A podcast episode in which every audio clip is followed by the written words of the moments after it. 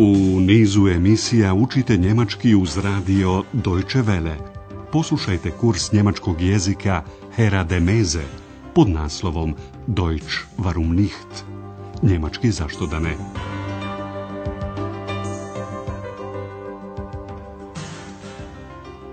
Liebe Hörerinnen und Hörer. Dobar dan, dragi slušalci. Danas ćete čuti 24. lekciju naše treće serije radiokursa pod naslovom Mrtvi nisu uvijek mrtvi. Tote sind nicht immer tot.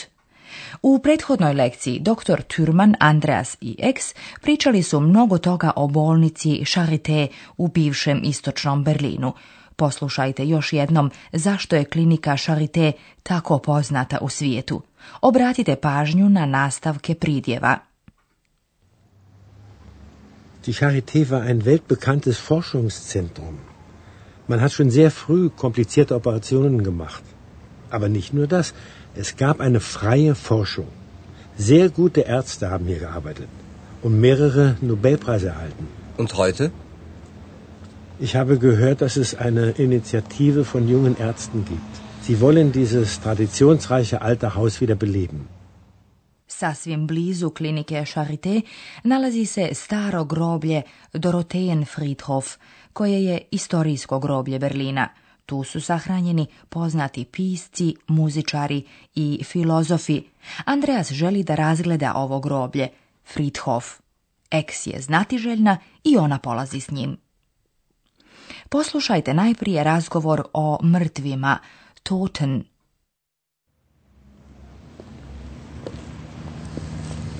Hm, ich möchte heute auf den Dorotheenfriedhof gehen.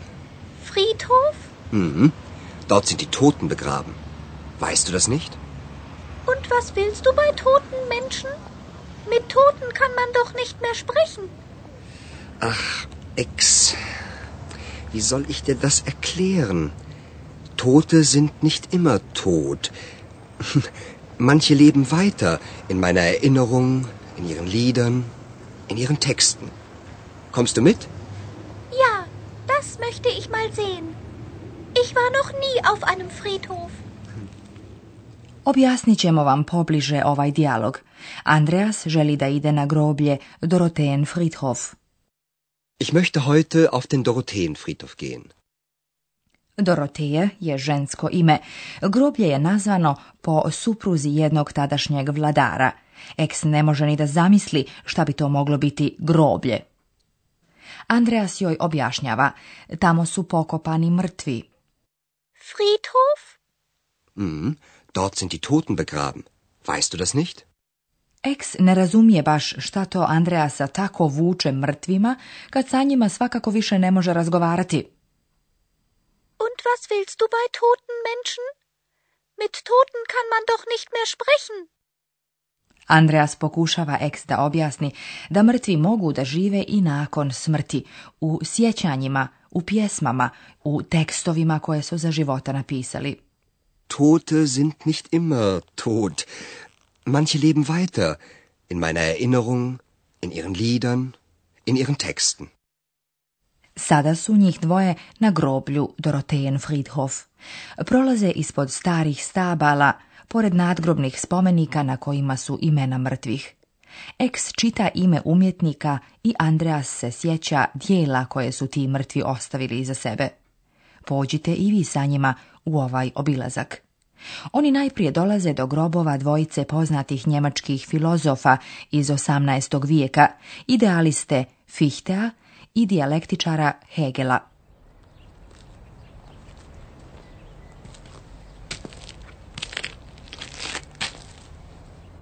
Johann Gottlieb Fichte. 1762 bis 1814.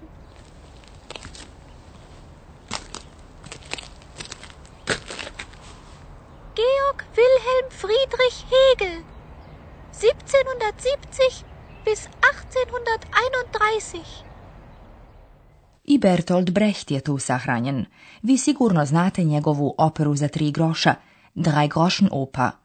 Andreas i Ex ostaju za trenutak kraj Brechtovog groba.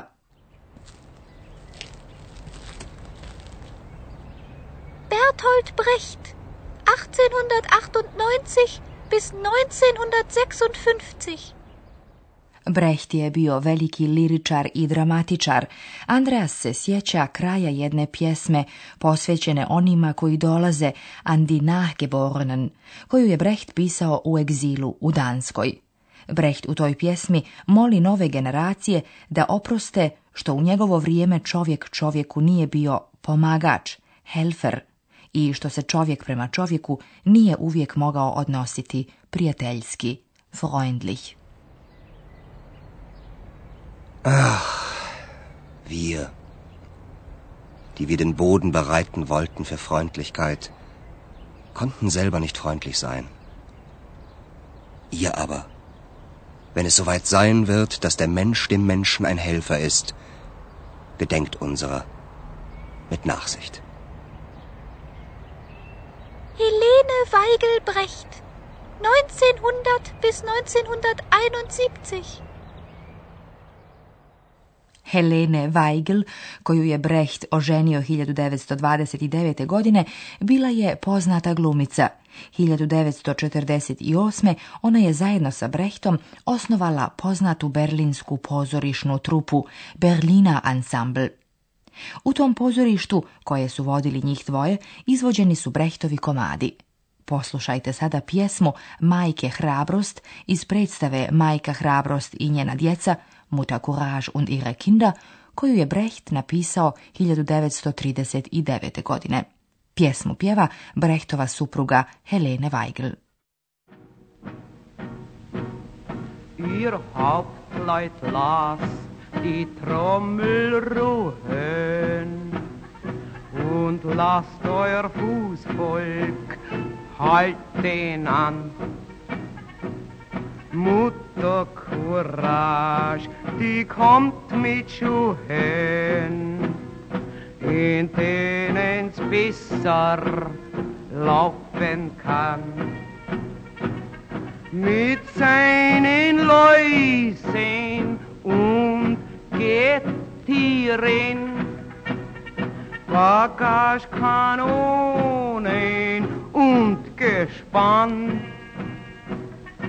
soll es euch in die Schlacht marschieren, so will es gute Schuhe han. Das Frühjahr kommt, wach auf, du Christ, der Schnee schmützt weg die Toten rund. Und was noch nicht gestorben ist, das macht sich auf die Socken nun.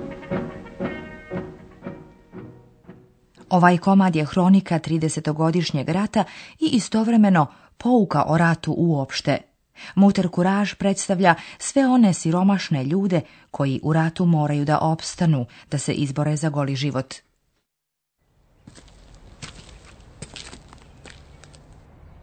Hans Eisler, 1898 bis 1962. Kompozitor Hans Eisler usko je surađivao sa Brechtom. Poslušajte sada dio balade o točku vodenice, balade vom Wasserrad. To je jedno poređenje sa vodom koja pokreće točak, kao što puno ljudi radi za svega nekoliko gospodara, Herren, ali to ne bi trebalo da bude tako. Voda, odnosno ljudi, trebalo bi da se uzdaju u svoju snagu.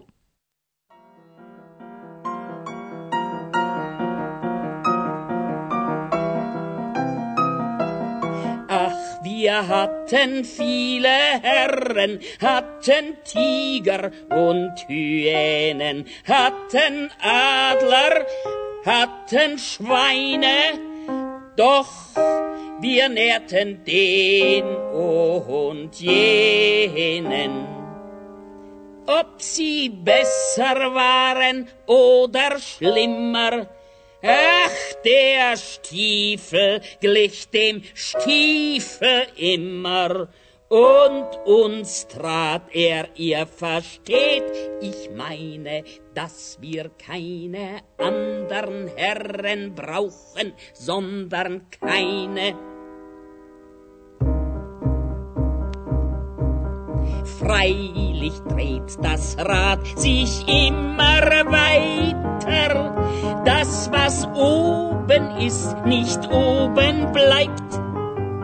Aber für das Wasser unten heißt das leider nur, dass es das Rad halt ewig treibt.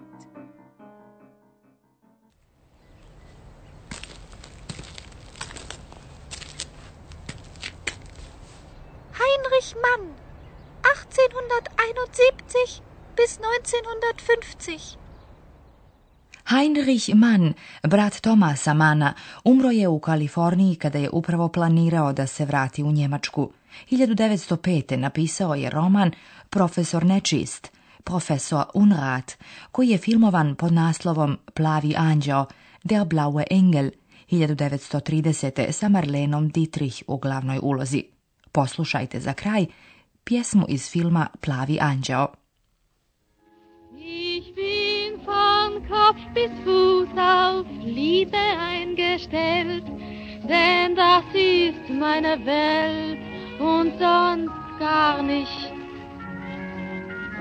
Das ist, was soll ich machen, meine Natur.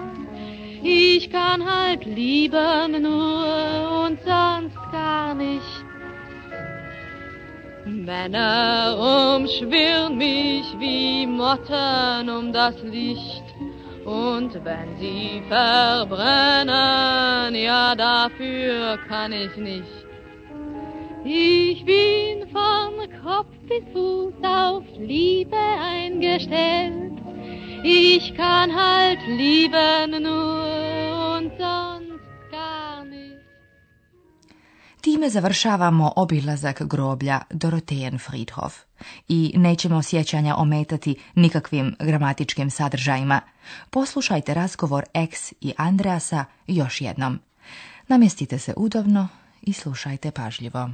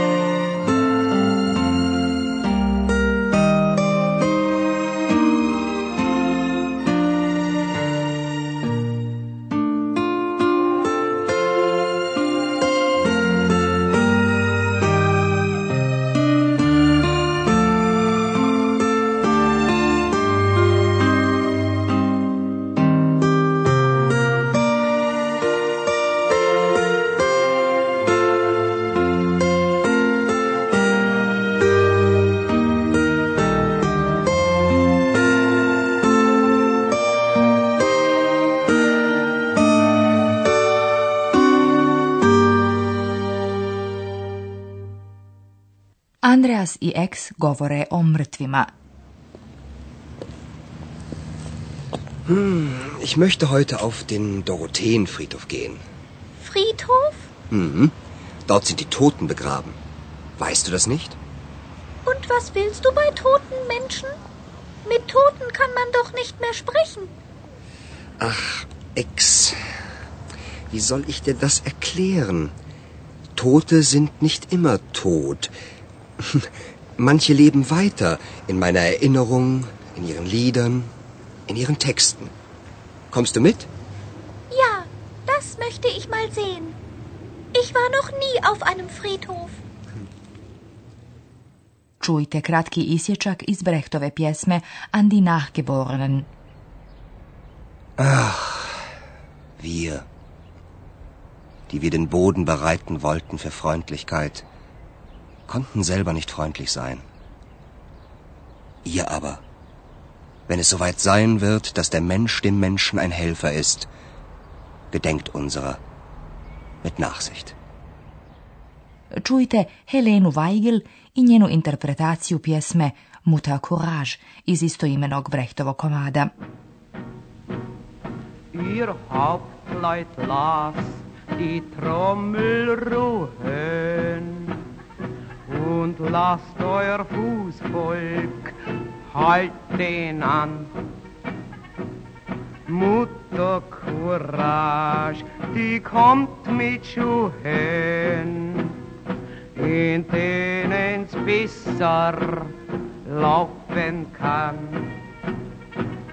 Mit seinen Läusen und Gettieren, Bagagekanonen und Gespann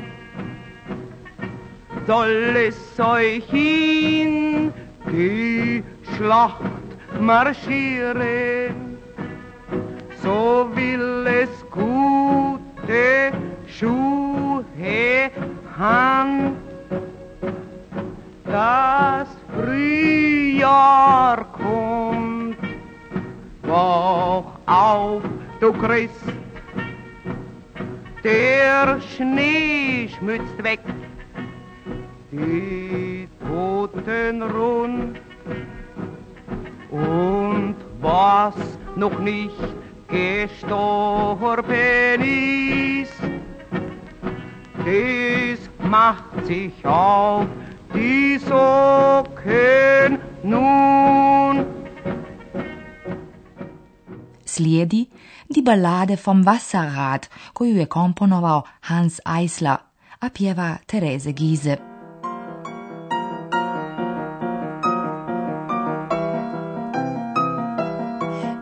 Wir hatten viele Herren, hatten Tiger und Hyänen, hatten Adler, hatten Schweine, doch wir nährten den und jenen.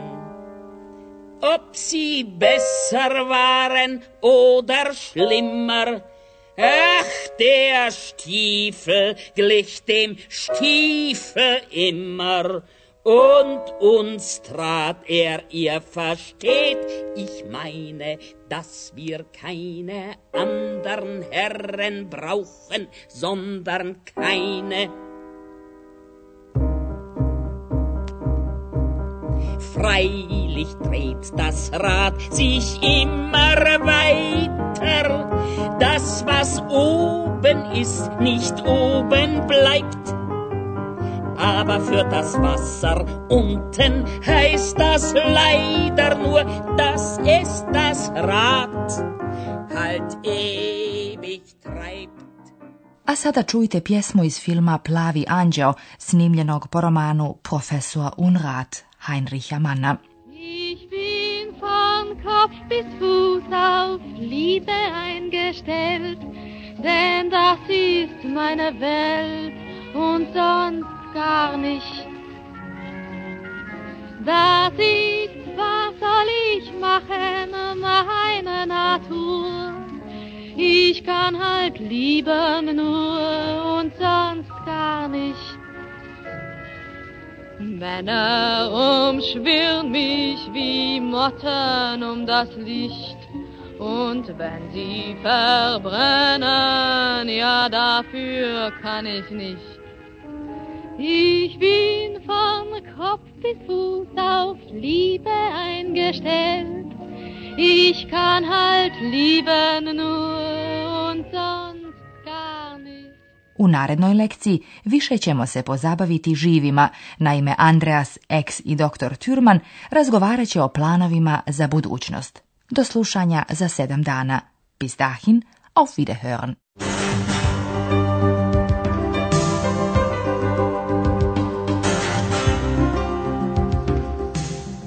Slušali ste kurs njemačkog jezika Deutsch warum nicht, radija Deutsche Welle, glasa Njemačke iz Kölna, pripremljen u saradnji sa Goethe institutom iz Münchena.